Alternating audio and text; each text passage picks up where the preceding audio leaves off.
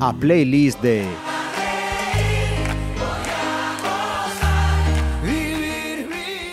Saludos, llegamos a un número redondo de nuestra playlist, la número 50, nada más y nada menos. Y nada más y nada menos eh, tenemos con nosotros como invitado a Jacobo Moreira Ferro. Bienvenido.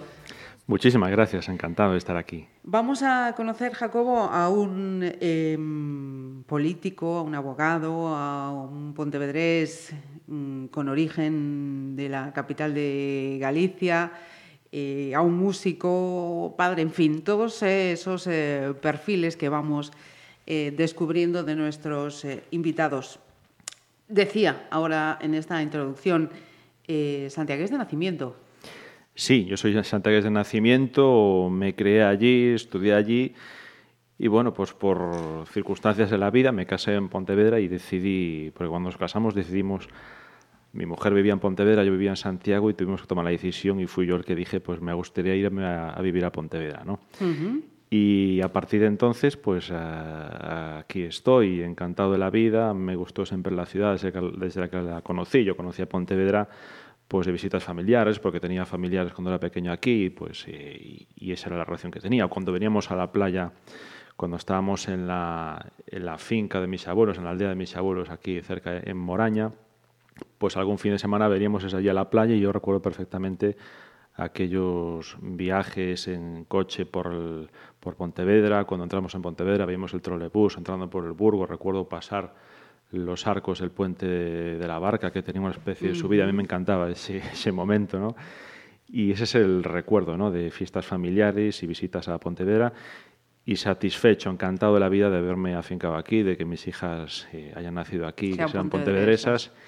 Y yo eh, me considero ya un, un pontevedrés de adopción. Y acabas de decir, eh, tus abuelos eran de Moraña, ¿por parte de tu padre o por parte de tu madre? De mi madre. Mi madre, Ajá. de hecho, mi madre nació en, en el ayuntamiento de Moraña. en- mi abuelo era de allí, mi abuela también.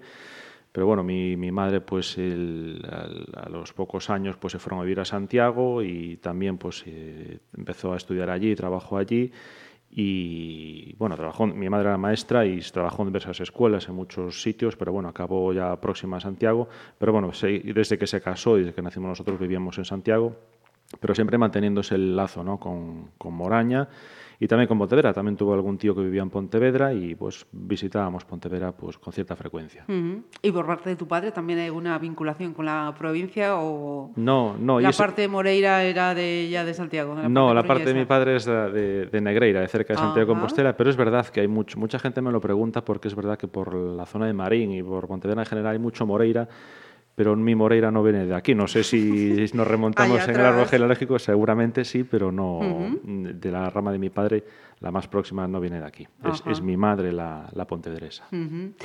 Y citabas también, cuando nacimos nosotros, entiendo por tanto que no eres hijo único. No, somos dos hermanos. Tengo uno que es mayor que yo. Bueno, mayor, eh, menos cinco- un año menos cinco días. ¿no? Pues yo nací un día 7 de julio.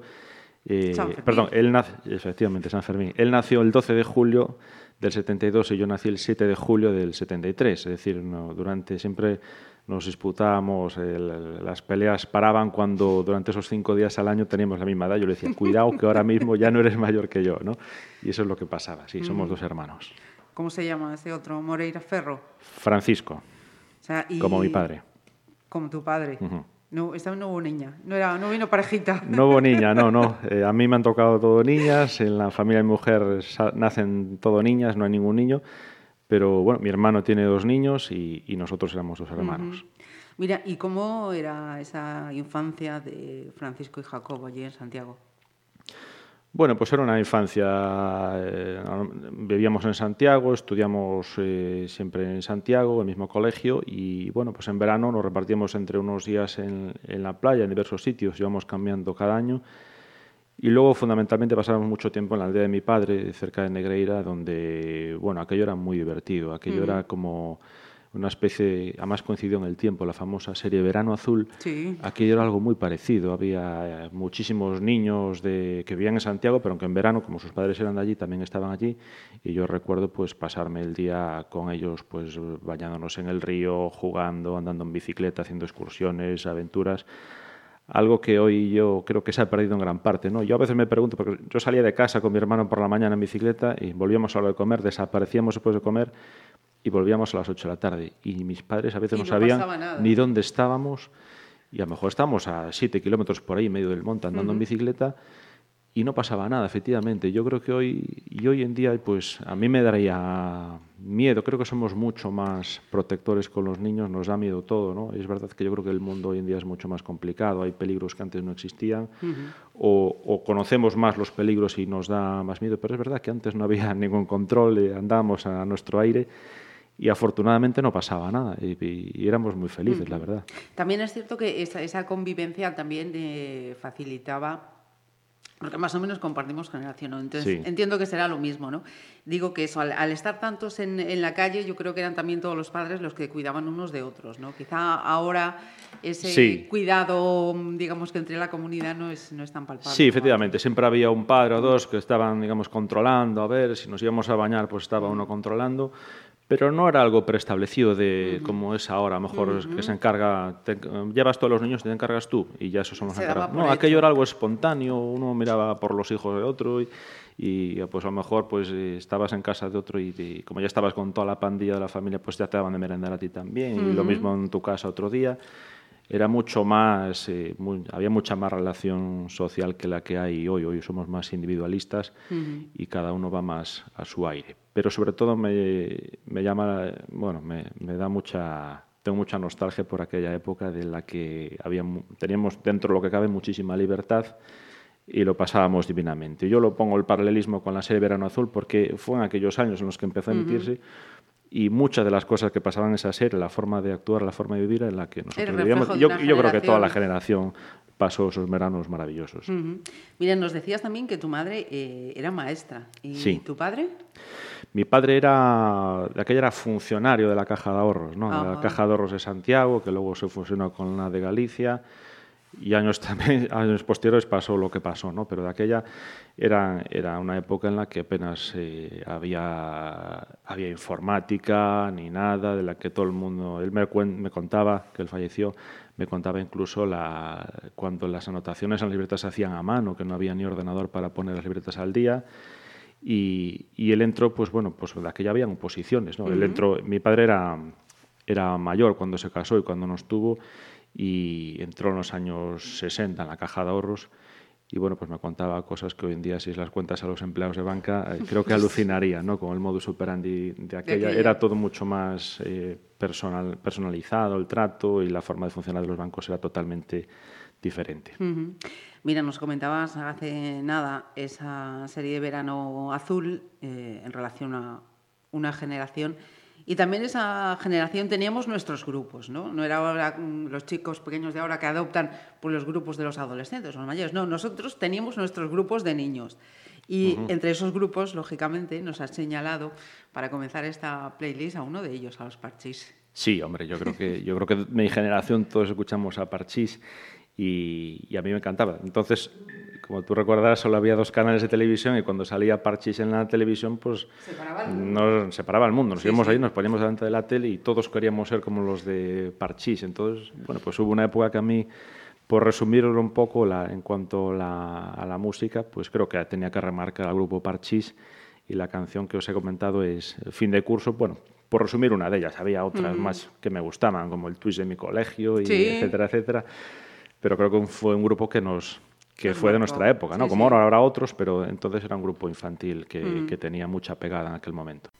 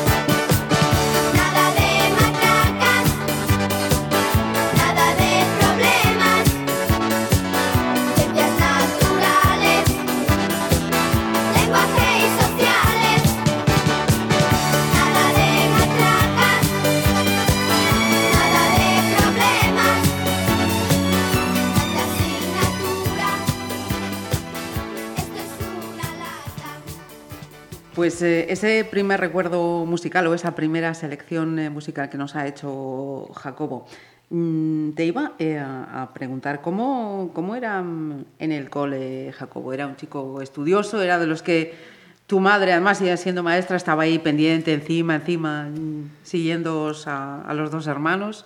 Sí, sin duda tener una madre maestra influye mucho ¿no? en, la, en la educación, en el control, en el seguimiento, en la, en la ayuda para cuando no entendías algo.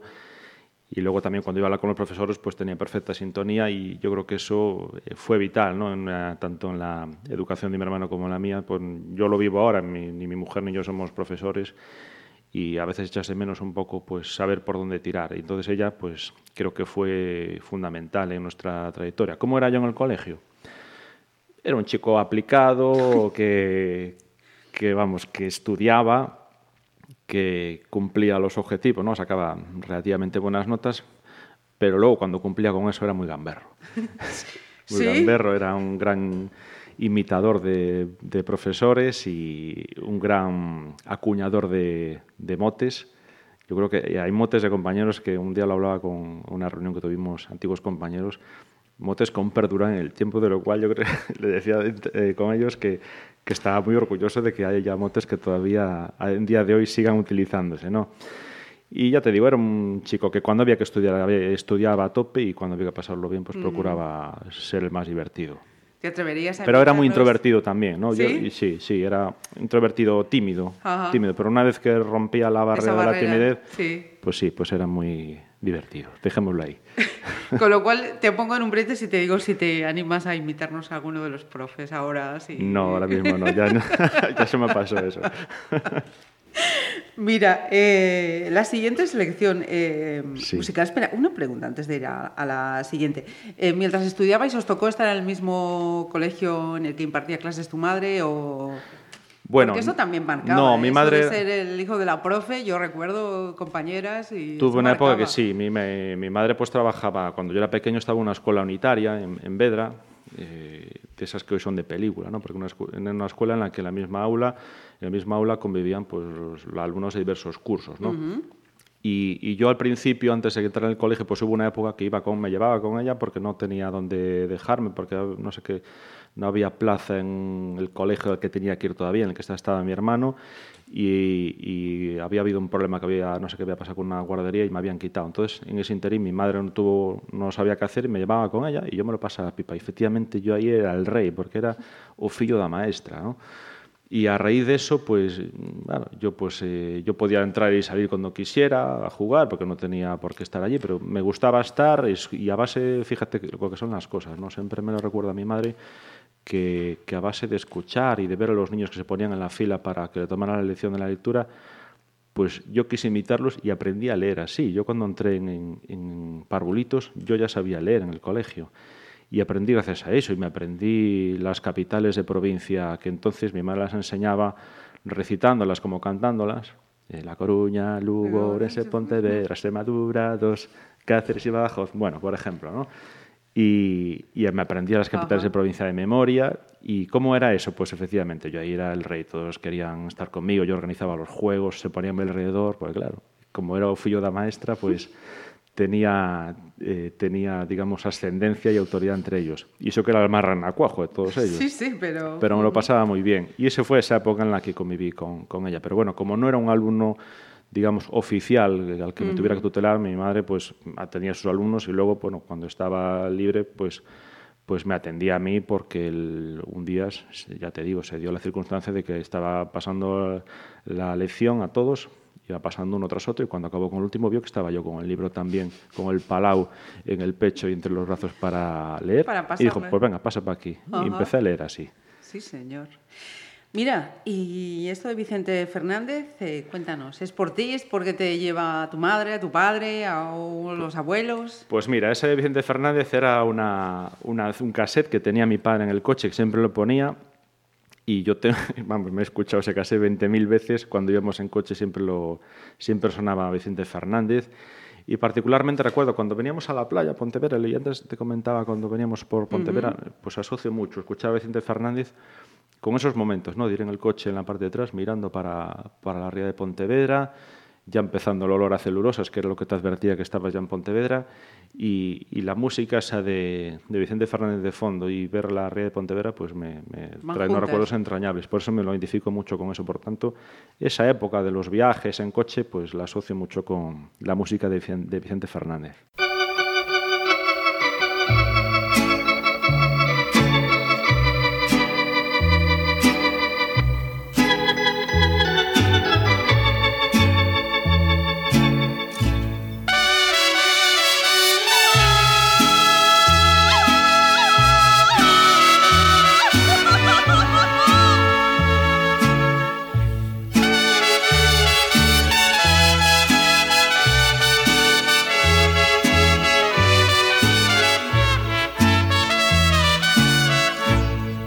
Este amor apasionado anda todo alborotado por volver.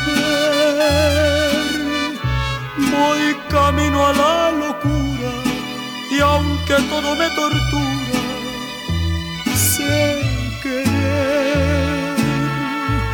Nos dejamos hace tiempo, pero me llegó el momento de perder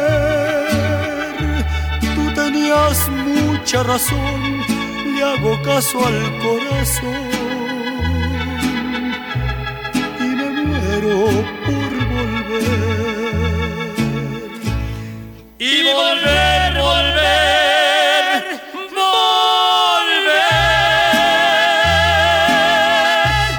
a tus brazos otra vez.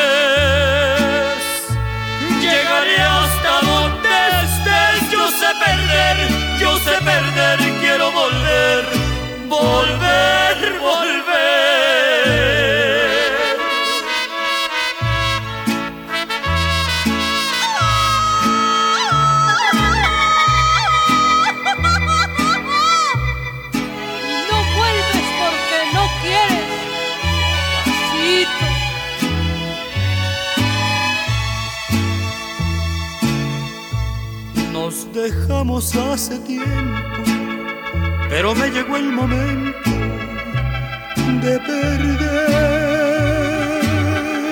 Tú tenías mucha razón, le hago caso al corazón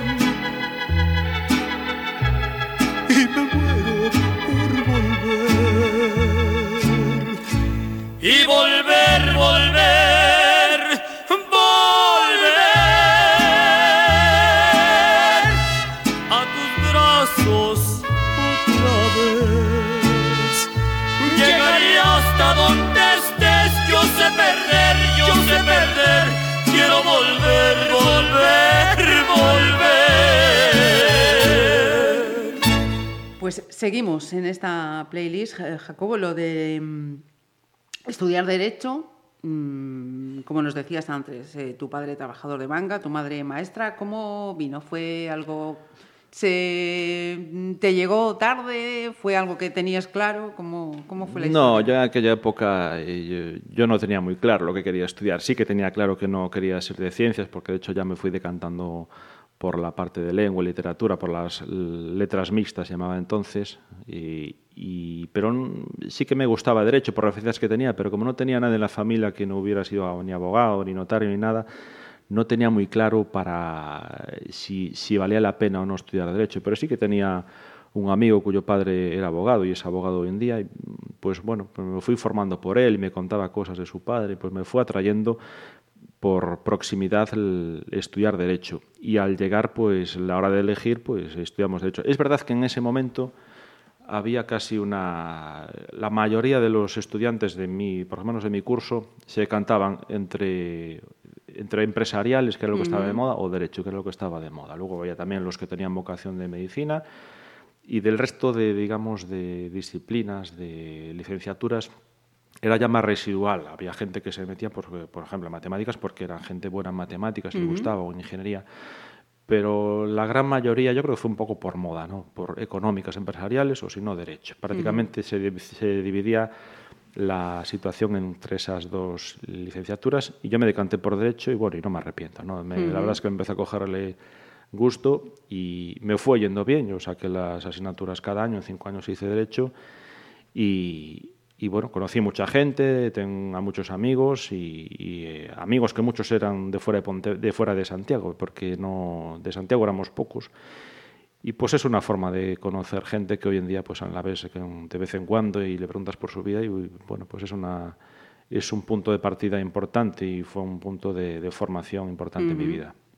Eh, te pregunto porque en tu caso no se daría eh, esa diferencia, ¿no? Muchos de nuestros invitados, pues eso, venían de, de, localidades pequeñas o de Pontevedra. En la mayoría, claro, te decían que ese cambio en los casos en los que salieron a estudiar ya en la etapa universitaria es como un punto de inflexión, ¿no? De repente te ves tú solo, empiezas a hacer tu vida. En tu caso, imagino que ese cambio sería menos brusco, ¿no? Claro, Más... yo eso no lo viví, lo, lo, veían los demás, que eran los estudiantes que venían de otra ciudad y, o de otro pueblo y venían a Santiago y entonces se valían por sí solos, bebían de forma independiente. Yo eso no lo tuve, yo seguía para bien y para mal, pues viviendo en la casa de mis padres y eso tenía sus ventajas pero también sus inconvenientes, ¿no? No tenías esa libertad que tenían ellos y que es verdad que me daban envidia, ¿no? Uh -huh. Ver cómo se manejaban por su cuenta, se organizaban por su cuenta sin tener que dar cuentas a nadie, nada más que, bueno, a los padres el fin de semana o explicarles en qué habían gastado el dinero, etcétera pero creo que eso es una experiencia que yo no viví y que me hubiera gustado vivirla, pero las circunstancias en las que eran. Yo vivía en Santiago y teniendo facultad de Derecho en Santiago no tenía ningún sentido que me fuera -huh. a otro sitio, aparte que la facultad de Derecho pues era de las, sigue siendo de las mejores, ¿no? Entre, comparándola con otras facultades de Derecho. Y es verdad que yo no viví esa, -huh. esa, esa parte. diferencia, Exactamente. ¿no? ese, ese vuelco. Eh, vamos a comenzar ahora, digamos que con, creo, ¿eh? corrígeme si no sé uh -huh. si con, ya encauzando tu, tu, playlist a una línea más menos durilla, vamos a decir, pero en la línea rockero, ¿no? Uh -huh. no, voy, no voy a desvelar más, pero empezamos con los secretos. Cuéntame. Bueno, Los Secretos lo puse porque era una, es una canción que me recuerda mucho a las primeras veces que iba a la discoteca en Santiago que era, y, y recuerdo entrar y sonaba muchísimas veces Los Secretos, con lo cual creo que resume de alguna forma esa época, una canción que aún en día hoy cuando la escucho pues me, me lleva a aquel momento, aquellos momentos de, de 14, 15 años, entrar a la discoteca, de la sesión de tarde, de entrar a las 7, 7 y algo, salir a las 10, porque a las 10 y 10 había que estar en casa. Uh -huh. y, y Los Secretos pues es una canción que me, me, retrotrae a ese ambiente y a esos momentos. ¿no? Eh, cada vez que la escucho, pues parece que estoy entrando en la discoteca, aquella era la discoteca Apolo, uh -huh. y, y, ver a la gente allí bailando y fumando también, porque entonces se fumaba en las discotecas. Sí. Yo fumaba también, incluso. Uh -huh. Cosa que hoy en día parece increíble, ¿no? Si se lo cuentas a alguien, ver a alguien fumar, una, cuando se ven imágenes de fumar en una discoteca, pues es algo extrañísimo. Sí, Pero entonces era así, y fue hace y nada, fue efectivamente. Hace nada. Pero sí, esa canción me retrotrae muchísimo a aquel, aquella, aquella época. Pues venga, vamos con los secretos.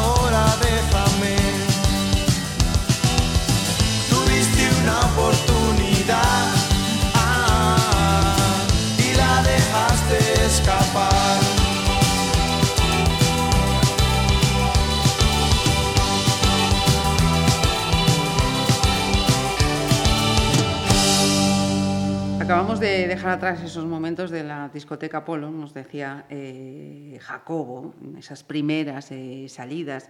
Eh, eras hombre de, luego de, de- bueno, hombre, de aquella, todavía éramos unos chicos, ¿no? Aquellos 14 años de, de entonces no son los 14 años de, de ahora.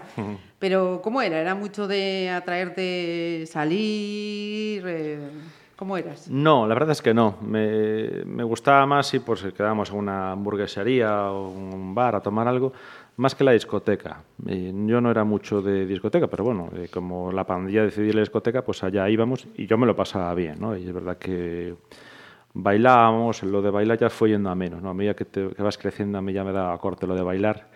Y de hecho soy el día que eh, es difícil verme bailar en un sitio porque yo soy más de, de observar, postrarme una en la barra y observar, no, no soy de bailar.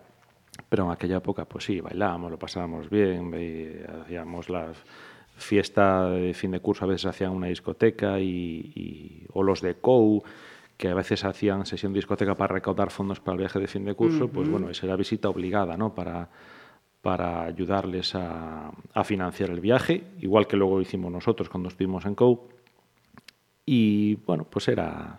eh, Yo era una persona normal, de, sin, no, no era el líder tampoco en las discotecas, ni, ni el chulito, pero es verdad que tengo buenos recuerdos. ¿Y dónde fue ese viaje a COU? Nosotros fuimos a Francia, un circuito, íbamos en autobús, era un circuito, bueno, cultural, ¿no? Visitábamos, eh, pues, los castillos, eh, museos en París, pasábamos varios días viendo museos y diversos, los emplazamientos típicos culturales de visita obligada, pero luego con un tour, eh, bueno, para los pocos días que eran, pues bastante intenso, que incluso llegamos al norte, al norte de Francia, ¿no? Y bueno, pues fue una- un punto de inflexión, porque a la vuelta del viaje ya empezaba la recta final para estudiar para la selectividad, se acababa, digamos, el curso y a partir de ahí pues ya nos separábamos todos, porque empezaba otra vida. Yo era muy consciente de ese, de ese cambio, por tanto aquel viaje, el regreso fue como, como una despedida, ¿no? porque yo me pasé toda la vida en ese colegio y fue como una despedida, un Una cierre de etapa. etapa y aparte yo era muy consciente cuando volvíamos de viaje llegando a Santiago de que estaba cerrándose, en ese momento estaba cerrando una etapa de mi vida. Y bueno, pues um, fue muy intenso. Hace poco, y fíjate, hicimos los eh, 25 años de, la, de aquella promoción, hicimos una comida de los co- compañeros del colegio y recordamos aquellos momentos y particularmente aquel viaje. y, y recordando con fotos que tenemos guardadas y juntando fotos. Bueno, ahora hoy en día con las redes sociales es muy Es fácil. Uno las va colgando en el Facebook y vas viendo las fotos de otros y ves una foto en la que sales tú y no sabías ni cuándo se hizo esa foto. Es súper divertido. Eh, mira, eh, tus padres, eh, creo que me habías dicho Francisco, tu padre, tu madre. Mi madre, Mari- María Luisa Marisa. Hombre, mira, somos tocallas. Sí.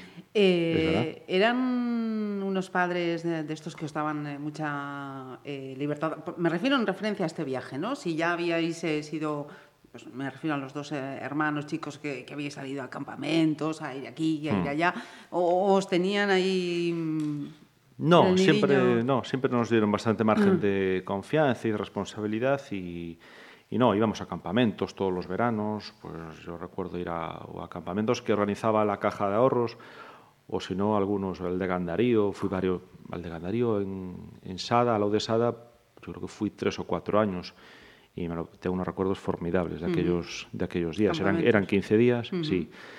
Y otros a la a Cabeza Manzaneda, habíamos ido en otra ocasión, pero era en verano, ¿eh? no era en invierno, era un, era un campamento de verano. Sí, siempre nos dieron bastante cancha y fueron proclives a, a que, bueno, nos viajáramos solo, Dejaros conociéramos andar. cosas. Sí, sí, la verdad es que nos, nos dieron una confianza que no sé si yo le daría a mis hijas hoy en día, ¿no? Pero la verdad es que cuando te, la tomamos como un ejercicio de responsabilidad. Y yo decía, si me dan esta confianza tengo que, que saber responder.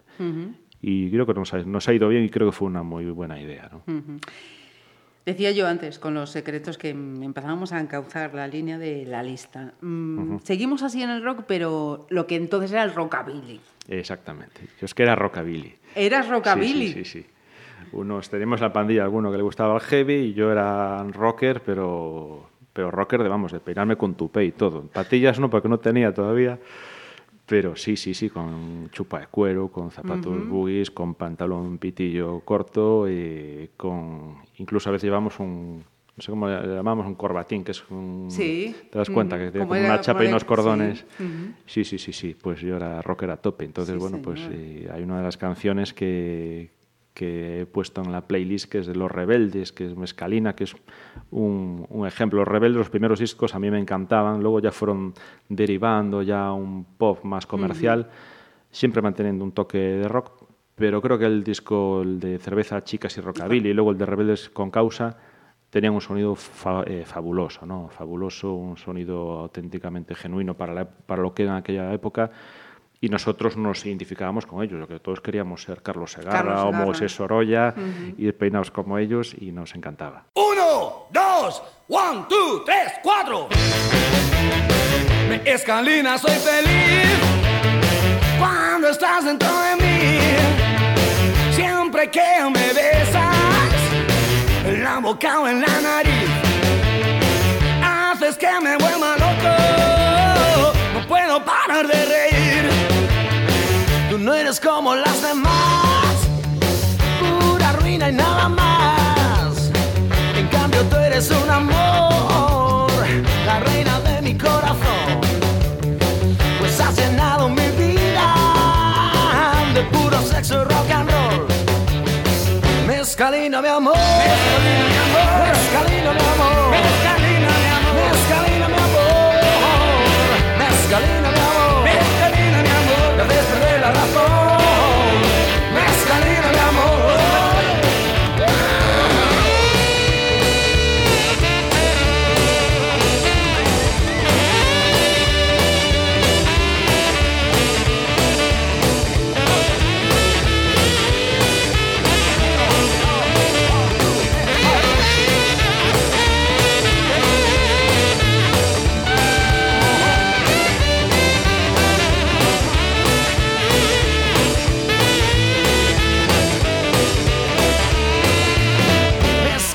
Soy feliz cuando estás dentro de mí.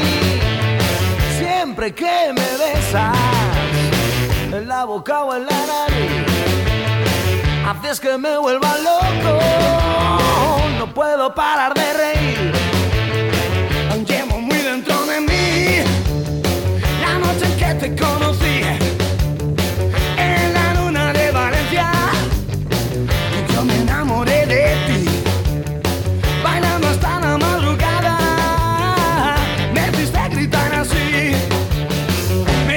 Mi amor. Mezcalina, mi amor.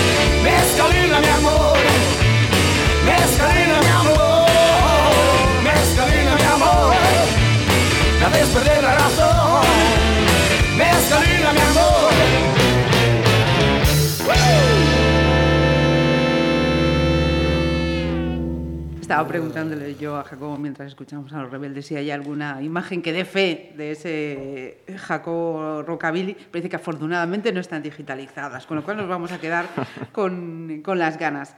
Y mm, antes de comenzar esta play yo le preguntaba, mira, eh, ¿tienes eh, formación musical? Y me decía, mm, más, más que la formación es que eh, pertenecía a varios grupos. Cuéntanos cómo, cómo era todo eso, esa etapa. Te cuento, yo, eh, yo creo que esto ya viene de, de- de nacimiento, ¿no? De, de oído, yo siempre he tenido buen oído para la música y pues, el solfeo yo siempre le escapé al solfeo, no fui alumno de solfeo, sin embargo, eh, me empeñé, te- yo, yo estaba en una especie de, una rondalla, le llamaban la tuna, en el colegio donde estudiaba, yo tocaba la pandereta, y, pero eh, tenía compañeros que tocaban la guitarra y a mí me encantaba la guitarra. Entonces fue ahí cuando empezamos a, tener el gusanillo de montar un grupo de música. ¿no? Todo esto con 13 años. ¿eh?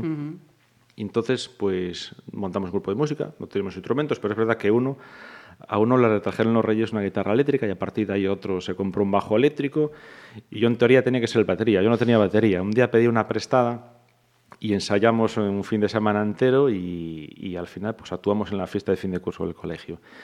Luego pasé a tocar el bajo eléctrico y, también la guitarra eléctrica. La guitarra eléctrica la aprendí porque tenía unas ganas locas de tocar la guitarra y un día cogí a mi amigo y nos sentamos y él me, pues en un papel me, me empezó a escribir los, los acordes, donde el- la digitación, donde se ponen los dedos en cada acorde. Me dio el papel que aún no tengo guardado y poco a poco en mi casa pues me compré una guitarra y bueno, me compraron una guitarra y poco a poco yo solo ahí con tenacidad fui aprendiendo los acordes y al final pues aprendí a tocar la guitarra gracias a él, pero también gracias a, la- a las ganas que tenía yo.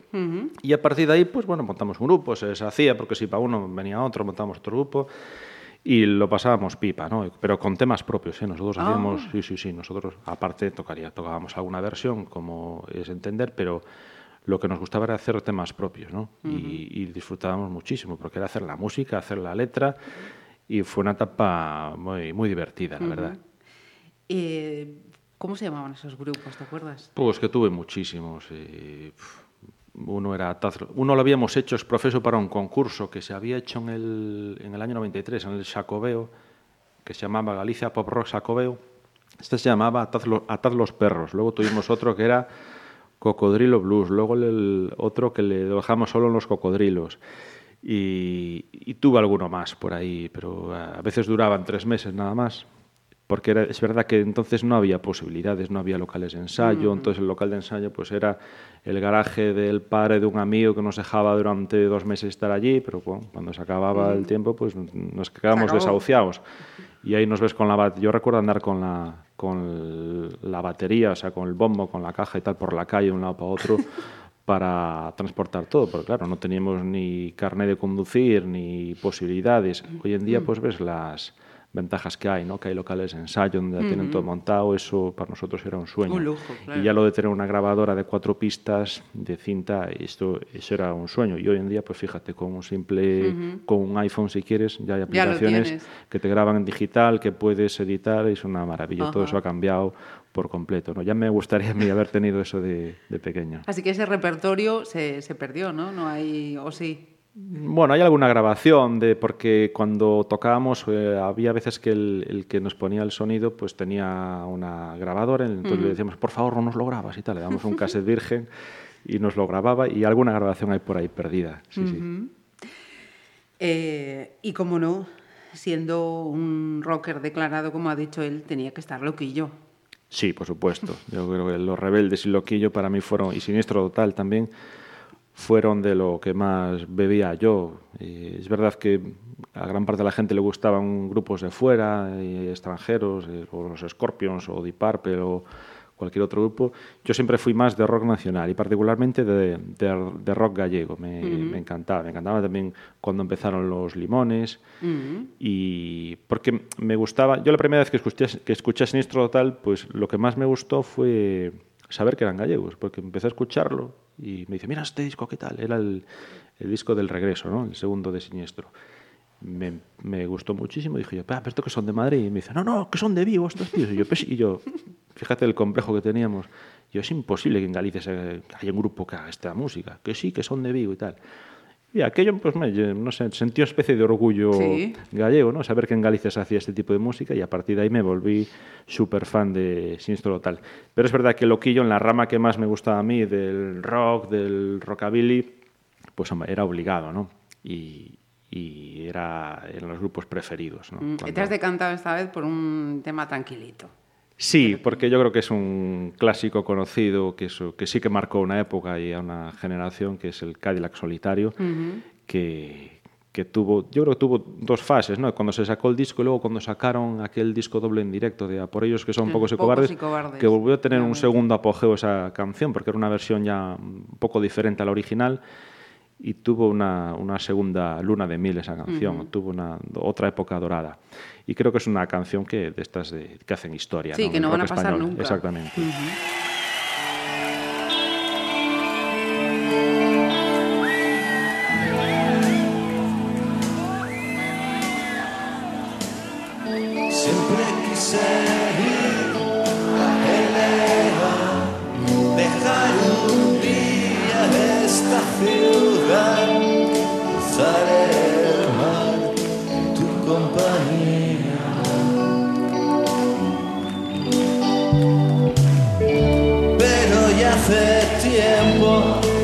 Dejado y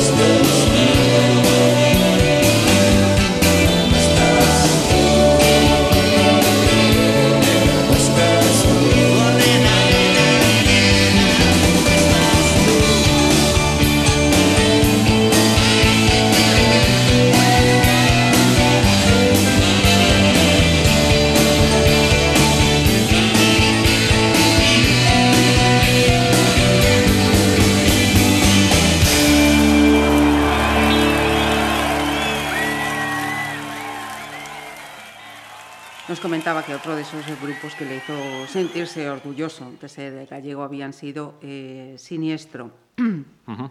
Me imagino que llegaste a verlos en, en directo. Sí, muchísimas veces. Uh -huh. muchísimas ¿Eras veces. Eh, también de, de, ir a conciertos o preferías no, a tu eh. aire con tu CD, tu vinilo? No, no, me gustaba, si podía verlos en directo, en directo, sí, sí, me encantaba. Yo en Santiago pues siempre en las fiestas de la Ascensión y en las fiestas del Apóstol siempre venían grupos buenos, grupos españoles, y, y yo procuraba ir a todos, porque es verdad que casi todos eran gratuitos, salvo cuando se hacían en el pabellón de deportes que había que pagar, pero casi todos eran gratuitos, podías disfrutarlos y yo era un incondicional de los, de los grupos, de los De conciertos. los conciertos. Eh, mira, estamos, me, me imagino que por fechas casi eh, al final de tu etapa de, de Santiago, ¿no? Decías que hasta los 22, si no me equivoco. No, no, yo en Santiago estuve hasta que me, hasta que me casé. Ah, sí, sí, sí, sí, sí. Vale, tenía yo la etapa de Santiago, sería la musical entonces. Sí, estamos con la 22, etapa vale. musical, exacto, sí. Sí, sí.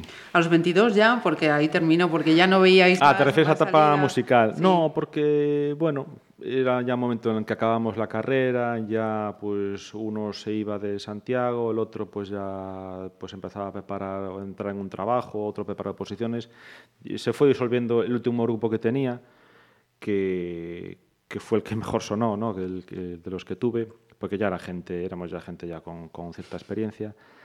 Pero se fue disolviendo porque la vida te va marcando, te va poniendo otros retos por Sí. el camino y lo vas dejando, ¿no? Pero siempre con, con ganas de retomarlo algún día. Pero no fue por una decisión de, "Nah, no vuelvo a tocar. No, fue porque las cosas se fueron poniendo, nos fuimos separando y, y era difícil ya, pues, pues volver a juntar otro grupo. Ya estábamos en otras cosas, estábamos en la final de etapa de acabar la carrera y de buscarte la vida, ¿no?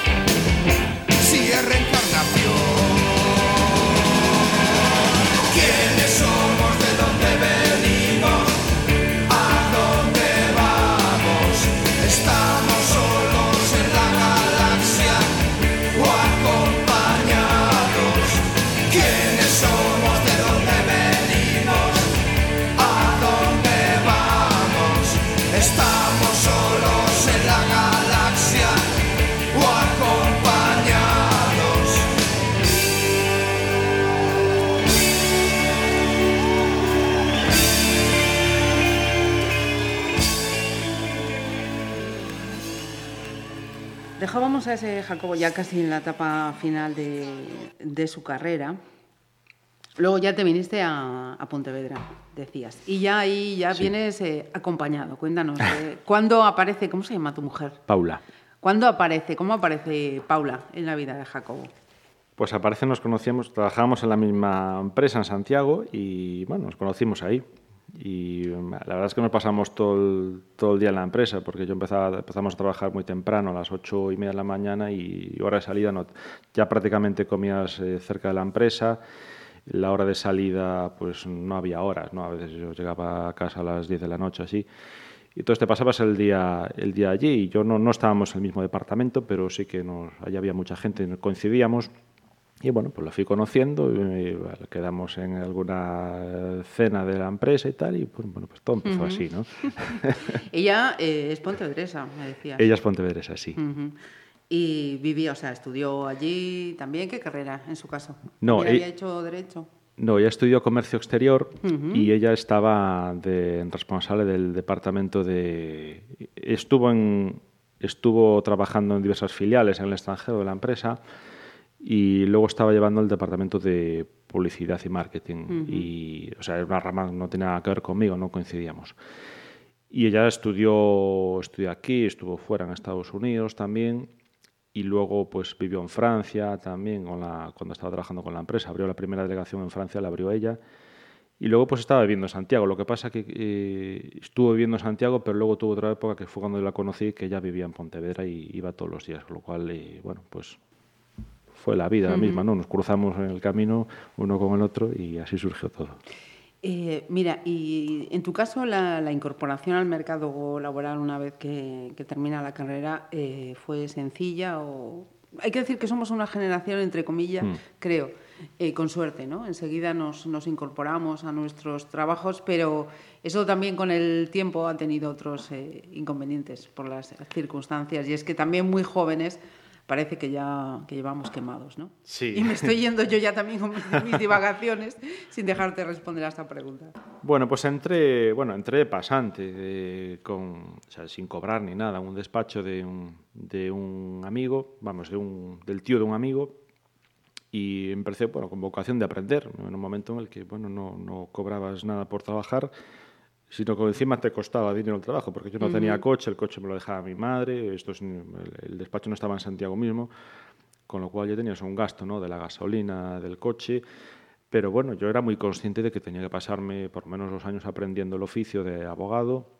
y empezando de más abajo. A partir de ahí, pues bueno, me fue conociendo a otros abogados, luego otro abogado ya de un despacho ya más potente me, pues ya me ofreció un contrato de trabajo y estuve trabajando ahí y a partir de ahí pues me apareció una oportunidad de entrar en esta empresa maderera de asesor jurídico y, y entré, estuve ahí cerca de cinco años prácticamente. Y en ese, en ese intervalo de tiempo, durante esos cinco años fue cuando me casé y hubo, una hubo varios años en los que yo seguía viviendo, perdón, vivía ya en Pontevedra, pero iba a trabajar todos los días a Santiago y bueno, llegó un momento en que eh, siempre tuve el, el deseo de tener mi propio despacho y bueno, tomé la decisión de, de ya establecerme por mi cuenta y establecerme ya en Pontevedra. Ahí fue cuando ya me, me quedé a trabajar a Pontevedra. Ya vivía en Pontevedra, pues nos casamos, nos vinimos a vivir a Pontevedra, pero yo seguía, yo de Pontevedra disfrutaba solamente el fin de semana, ¿no? que para eso estaba fenomenal. Yo, la Pontevedra que yo, que yo conocía conocías. era estupendo. Pero yo por la semana apenas estaba aquí porque me iba por la mañana temprano y volvía por la tarde, pues venía prácticamente de noche. Y, y en ese momento, pues, pues fue, yo creo que fue en el año 2004 o 2005, fue cuando ya me establecí en Pontevedra con mi propio despacho de abogados, que siempre es, eh, tenía el- tuve el gusanillo de tener el, el despacho y la vocación de tenerlo. Porque, bueno, ser asesor jurídico en una empresa pues es, una, es otra faceta totalmente distinta. Es más asesor, tribunales apenas los pisas, ¿no? Y tenía ganas de volver a pisar tribunales, juzgados, porque era una cosa que estaba ya dejando un poco de lado y siempre tenía, tenía ganas de volver a hacerlo. Y, y así empezó, digamos, ya mi establecimiento definitivo y permanente en Pontevedra. Ujú. Eh, esa reflexión que yo hacía, efectivamente, somos eh, una generación que mm, pudimos incorporarnos pronto a- al mercado eh, laboral, pero eh, sí que la- las circunstancias vitales que nos han tocado nos hacen que pues, con cuarenta y pocos años muchas de las personas de nuestra generación se vean en la calle y ya se les considere mayores, me parece tremendo. Sí, sí, porque claro, hoy en día te cuenta que la, la gente acaba de estudiar a los 23 y hay gente que empiece a trabajar ya, pues es verdad que yo creo que con mucha mejor formación. Hoy en día, a medida que pasan las generaciones, las promociones, la formación es más potente, con lo cual es verdad que ya llevan, yo ya llevo, pues fíjate, un bagaje de, de abogado, ya llevo 20 años colegiado, ¿no? y verdad pues eh, que gente que de nuestra edad que se pueda quedar descolgada del mercado de trabajo pues claro como detrás tienes empujando a jóvenes muy bien formados con veintipico pues es verdad que resultará resulta difícil que a veces encontrar trabajo ya con cuarenta y pico años ya quedas un poco descolocado de frente a estas estas nuevas generaciones tan potentes no pero es la, la vida es así. A mí me parece eso muy, muy injusto, ¿no? Precisamente en un momento, como dices, pues con 20 y Sí. algo años de experiencia, que ya dices, oye, pues controlo mi trabajo, sé por dónde voy, sé lo que hay, que de repente te encuentres que ya te, te considera mayor, es un lastre que, que Sí. nuestra generación nos, nos va a costar. Eh, decía yo, ese, ese cambio ¿no? musical ahora, sí de los grupos nacionales nos vamos a- afuera. También en esa Sí. línea rockera, un rock así que fue que también marcó su, su momento, ¿no? Los guapitos del, del- del rock, como en el caso de, de Bon Jovi y de los Europe también an- antes. Y los Jure también. Y estuve a punto de ponerla también los Jure porque esa sí que yo eh, era una canción obligada, pero me imagino que la pondrá más gente, ¿no? La de Sí, el Final Countdown. sí, sí, sí. Cuéntanos, que era Bon Jovi. Bueno, Bon Jovi era un grupo que empezó siendo así Para muy ti. Bueno, pues para mí era un grupo que se fue sus inicios de todo no, no me gustaban, ¿no? Yo no era yo no era yo muy de Bon Jovi, pero es verdad que cuando fueron suavizando su música, haciéndose más rockeros, melódicos, a mí me empezaron a gustar más y particularmente en ese disco Keep the Faith me empezaron a gustar y hay una canción en particular que me, siempre me, me gustó, tanto en estudio como en directo, que es esta de Indie Sharps, que bueno, me recuerda pues a un verano, ¿no? que sonaba mucho esa canción y me acuerdo que la vi la primera vez en el videoclip en la tele y me había enganchado. Entonces, a raíz de eso fue cuando me compré el disco, ya conocí más canciones de Bon Jovi y bueno, por resumir un poco aquel, aquel verano y los siguientes, yo no sé de qué años podemos estar hablando, del 80 y... Principios de los 90. De los quizá. 91, 92, puede ser por ahí. Bueno, pues me, me evoca un poco esa época, esta canción.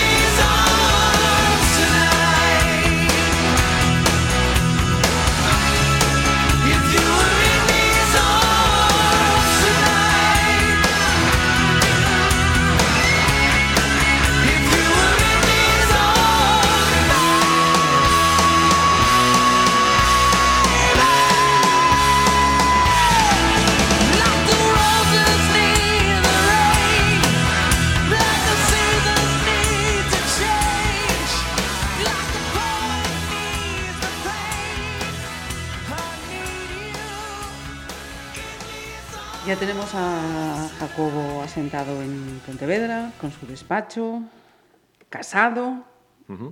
¿Cómo cambia la vida en ese momento? Pues mira, mientras, cambia. mientras no tienes hijos, todo para mejor, porque eres autónomo, organizas tu propia vida con tu, con tu pareja, en este caso con mi mujer. eh, y bueno, yo creo que esa libertad, esa autonomía, esa, esa circunstancia de tomar tus propias decisiones ya sin estar condicionado porque, por tus padres y estar ya fuera, digamos, del, del huevo familiar, ¿no?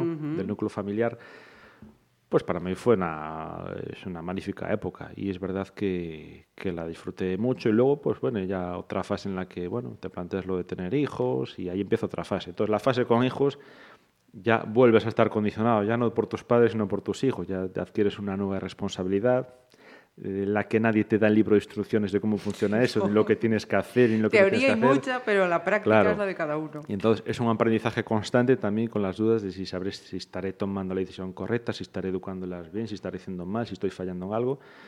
Pero creo que la vida tiene que tener también esa especie de, de retos ¿no? y de, de iniciativas. Creo que por eso tomamos la decisión de, de tener familia. Pero la época de, de no tener hijos, pues fabulosa, porque eh, los dos con trabajo y, y disfrutando de la vida, pues aprovechando a hacer cosas que, y más que teníamos que haber hecho, ¿no? De viajes que decíamos, va, no, ya iremos, ya iremos, no, o, o lo haces en el momento, luego no lo O haces, luego. porque hay cosas que luego es difícil retomar hasta que tus hijos crezcan. Pero bueno, fue una, una época muy feliz también, igual que esta. Eh, dos niñas tienes, ¿no? Dos niñas, sí. ¿Tardaron mucho en venir? ¿Lo pensasteis mucho o enseguida llegaron? No, enseguida llegaron. No, no, coincidimos los dos a la par y nos apetecía, pues que, que creímos que era llegado el momento y pues eh, allá fuimos y no, no hubo ni, vamos, vinieron rápido, la verdad, las dos. sí.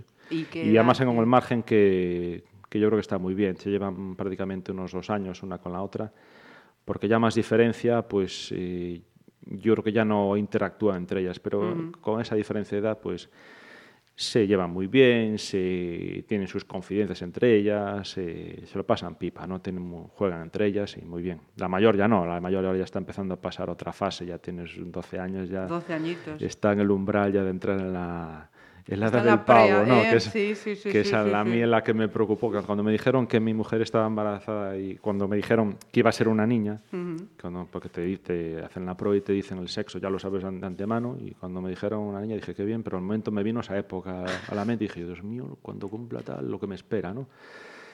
Pero bueno, muy contentos. Son las dos muy cariñosas y ya sabes que los, a los, las niñas adoran a los padres y los niños a las Eso te madres. iba a Con lo decir, cual, no lo tienes tan complicado como No. Paula. Yo creo que va a ser una etapa mm, más complicada para Paula que Sí, para ti, ¿no? Eso sí, de que sí. sean niñas es una ventaja quizá para, para los padres. Y sobre todo cuando, cuando llega la vejez se supone que, que me van a tratar a cuerpo de rey.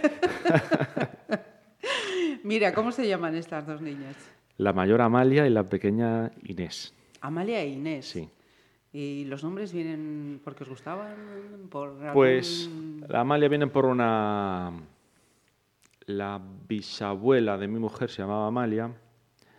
Y Inés fue porque buscábamos un nombre corto, sonoro y bueno, también un antepasado de una, bisabuela de mi padre, era Inés también, pero bueno, una, coincidimos en los nombres los dos. Y uno largo y otro corto. A mí Amalia no me, no me convencía mucho al principio porque yo la única Amalia que conocía era de pequeño, era una señora que tenía una, un ultramarinos abajo de la tienda de mi abuela, y claro, una señora mayor, oronda. Y entonces a mí el nombre yo lo identificaba con esa señora, ¿no? Decía, no, no, mi hija no se puede llamar así. Pero bueno, al final lo decidimos y encantado. Eh, míticos, llega ahora un momento mítico. Y, y te veo claro, ¿no? ni te voy a hacer la pregunta si eres de Beatles o Rollins. Es evidente después de toda esta playlist que lo tuyo son, son los Rollins. Sí, sí, sí, sí, sin duda. Yo soy de Rolling Stones, entre los dos Rolling Stones, sin duda. Y más, y me gusta más, fíjate, me gustan más las, las grabaciones en directo que en estudio de los Rolling Stones. Me gusta más el sonido en directo. Y tuve la fortuna de poder ir, poder ir a verlos en un concierto que hicieron en Santiago, yo creo que fue en el año 99. Habían tocado un año en Vigo. En Vigo habían Y al año tocado, siguiente sí. tocaron, que, que me llamó la atención, ¿no? que en dos años seguidos vinieran a Galicia. Y yo fui a ver el del 99 y fue un concierto fabuloso en el Monte de Gozo, con una, noche, una tarde espectacular, que aquello podía ser un concierto en Estados Unidos porque era una imagen espectacular, una tarde de calor y para mí poder verlos en directo pues fue un sueño. Pero fíjate que fui en gran parte porque dije, voy a ir a verlos porque estos están tan mayores que a lo mejor es la, única, la última oportunidad que tengo de verlos. Fíjate, ya han pasado... ¿Cuánta gente ha ido a los conciertos pensando que sería la última ocasión, Han efectivamente? pasado 18 años y los tíos siguen tocando, con lo cual no fue la última vez y bueno, pues a lo mejor hasta vuelvo a verlos alguna otra vez. Pero a mí me encantan los, los Rolling en directo y ver a Keith Richards ahí con sus riffs de guitarra me, me encanta. ¿Y esta canción podía haber sido cualquier otra? O... Sí, cualquier otra, pero esta mm, particularmente me gusta la versión que hay en el grupo del disco en directo, el Still Life. Eh, el sonido que tiene, me encanta. Me encanta mucho más que la del estudio, porque la grabación de estudio es la original, con un sonido más rudimentario. Y, y bueno, podía haber sido cualquier otra, eh, pero esta me- el ritmo que tiene me encanta. Let's spend the night together.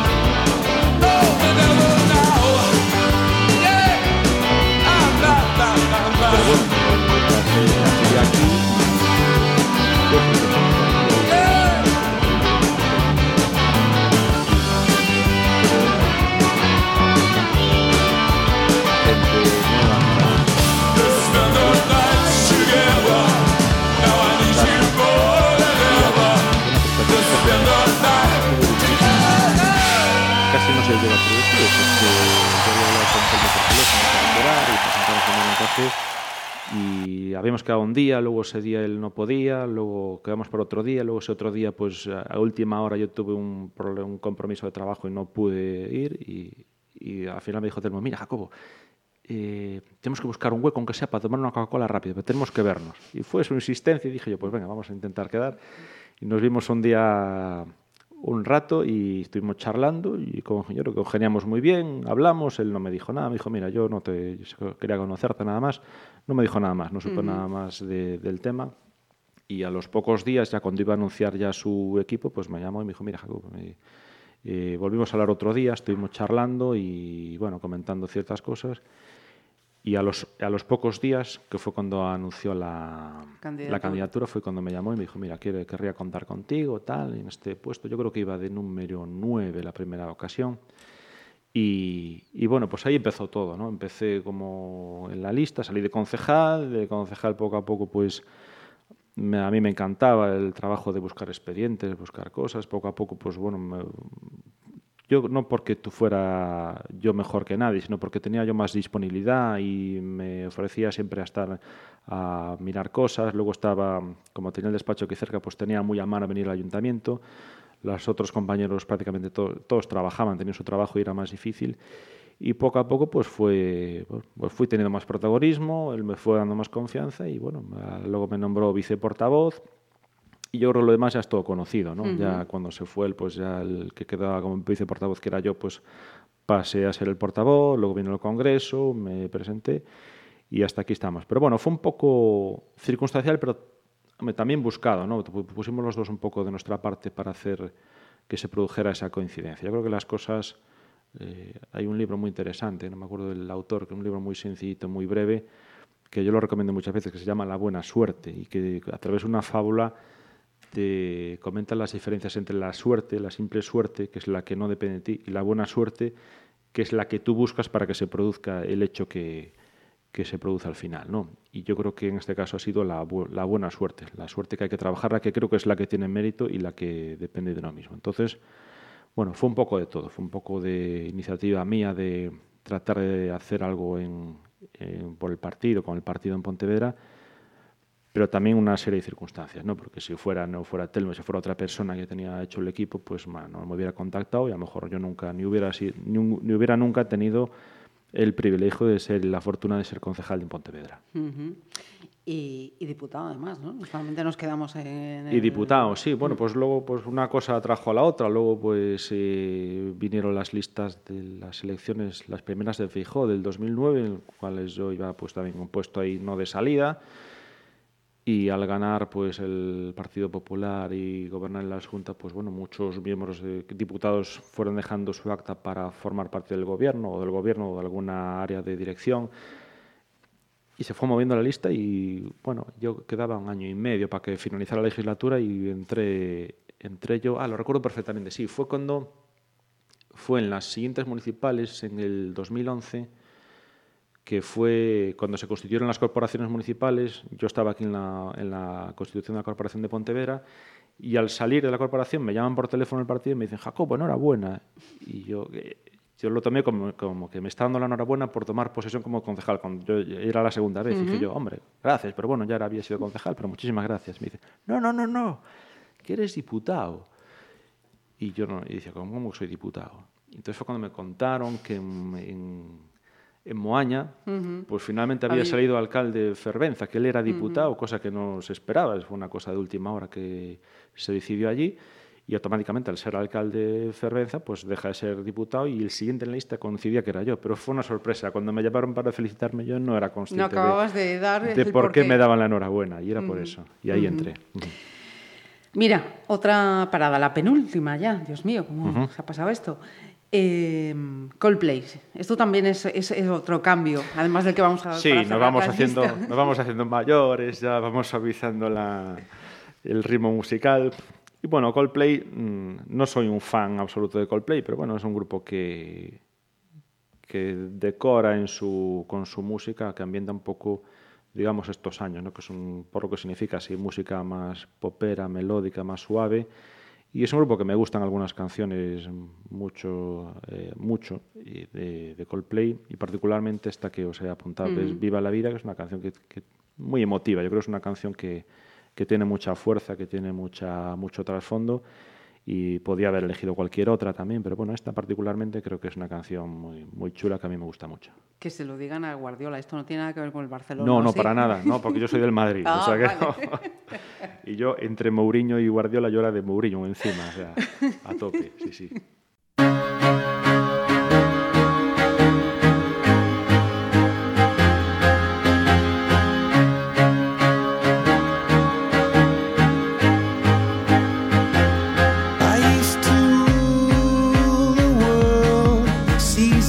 Rise when I gave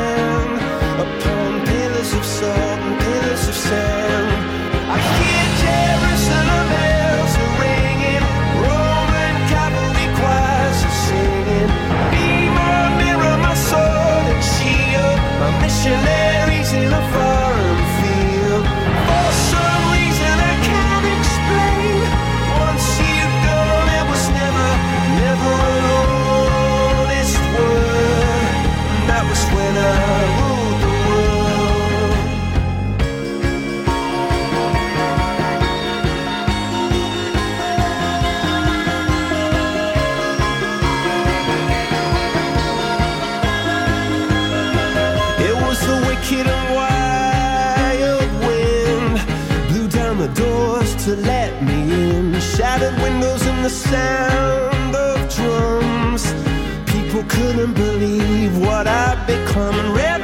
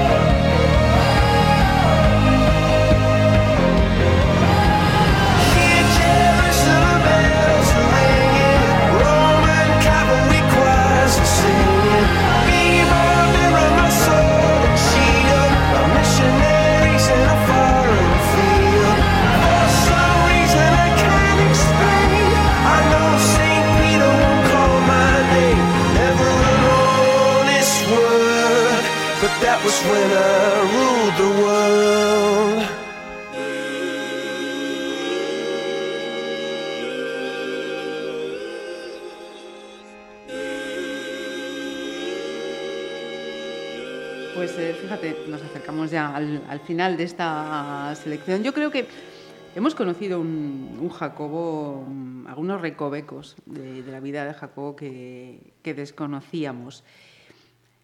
Mm, Nacido en el 73, por tanto, este año llegas al 4-4. Pues sí, el día de San Fermín cumpliré 4-4. Mira, ¿cómo, ¿cómo se plantea la vida o qué, qué esperas a partir de, de- de este momento? ¿no? Porque estamos ahí ya en... Yo creo que personalmente ¿eh? es eh, la, la mejor década. ¿no? Quizá los, los 30 vas aprendiendo, vas asentando, pero los 40 ya son la consolidación. ¿no? A partir de aquí ¿Hacia dónde? ¿Qué, es- qué espera Jacobo de su trayectoria política, personal? ¿Qué te gustaría? Pues esas cosas nunca las planificas al 100%. Yo, mm, aunque suene un poco eh, atópico, yo creo que lo importante es primero tener fortuna, la fortuna de no tener problemas de salud, ni, uno mismo ni en la familia más cercana. Y cada vez, a medida que pasan los años, te vas dando cuenta, ¿no? Porque ves casos muy cercanos de, personas que, bueno, de un, día para otro les cambia la vida por completo y en, en pocos meses pues se, se trastoca todo, ¿no? Entonces yo no sé si me estoy haciendo mayor pensando esas cosas, pero cada vez lo valoras más. Segundo, que el tiempo cada vez pasa más rápido. Ahora fíjate que cumpliré 4-4, como dices tú, y eso significa que me faltan 16 años para los 60, ¿no? Y cuando uno mira para atrás, los últimos 16 años a mí me han pasado volando. Y supongo que estos que quedan pasarán más vol- volando todavía. Con lo cual, bueno, lo que hay que procurar ahora es eh, vivir intensamente lo que se pueda, de, hacer, no dejar las cosas para, para otro día, cuando uno tenga un proyecto, pues llevarlo a cabo. Y en mi caso, pues mi reto principal pues son, pues son mis hijas, ¿no? que se críen bien, que tengan una buena educación, que tengan, se labren un porvenir el día de mañana. Y ese es el reto que, que tengo. Y profesionalmente, pues bueno, ahora estoy en política, pero yo soy consciente que la, la política no debe ser un, un camino de, de vida de forma permanente, tiene que ser algo temporal, con lo cual, bueno, tendrá su final en, en algún momento y continuar con mi profesión de abogado pues hasta los hasta que llegue la jubilación que bueno los abogados podemos seguir hasta más allá de los 65 si queremos pero bueno pues Llegará eh, el momento de retomar esos viajes que no se pudieron y hacer. retomar esos viajes, claro, yo creo que hasta que lo- los- las hijas sean mayores y haya autónomas, bueno, me confío en poder hacer alguno, pero la verdad yo creo que volver a ese momento inicial de cuando estás casado y no tienes cargas, de no tienes hijos, pues cuando los hijos ya sean autónomos, las hijas sean autónomas, pues ahí podremos volver a retomar esas cosas que dejamos pendientes. Y poco más, ¿no? Poco más porque la, la vida te va marcando a veces también el camino y te marca pues ramificaciones que no has explorado nunca ni has pensado en ellas y fíjate, yo el caso mío de la política pues hace 20, 20 años pues que me iba a decir a mí que estaba donde estoy. Sabe Dios dónde estaré dentro de, de 10 o 15 años.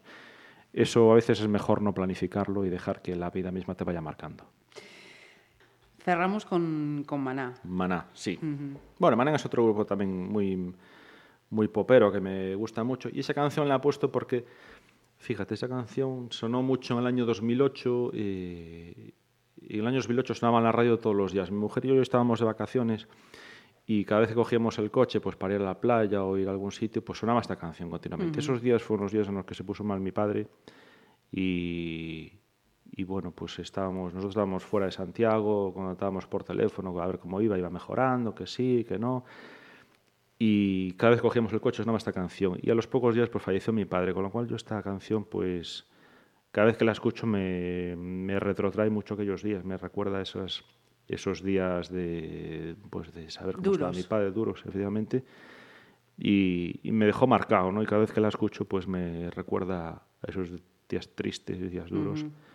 Y además, bueno, habla de otra cosa, habla de, mm, de cuestiones de amor, de desamor, de- pero bueno, pues se puede aplicar perfectamente a, a cómo echa uno de menos a su padre. Te entiendo. Mira, que no queremos que esto sea amargo ni, ni tristón. La, la vida es así. Tiene esos bajones, hay que saber eh, llevarlos, hay que saber eh, afrontarlos. Y Jacobo, de verdad que me alegro haber tenido esa oportunidad de conocer a ese rocker que pocos nos imaginábamos. Y que, mira, yo ahora cuando te vea una comparecencia ahí en el hemiciclo gallego, seguro que te voy a imaginar vestido de rocker. Sí, señor. Sí, sí, Pues con camisa de cuadro, chupa de cuero, sí, sí. Muchísima suerte, verdad, que esos deseos después del 4-4 se vayan cumpliendo. Pues un placer, muchísimas gracias, me he sentido muy cómodo y la verdad es que además he hecho contar cosas que nunca, que nunca había contado, ni a nadie, ni menos en una entrevista. De eso cual se trata, de me he eso encontrado muy cómodo. Muchísimas gracias.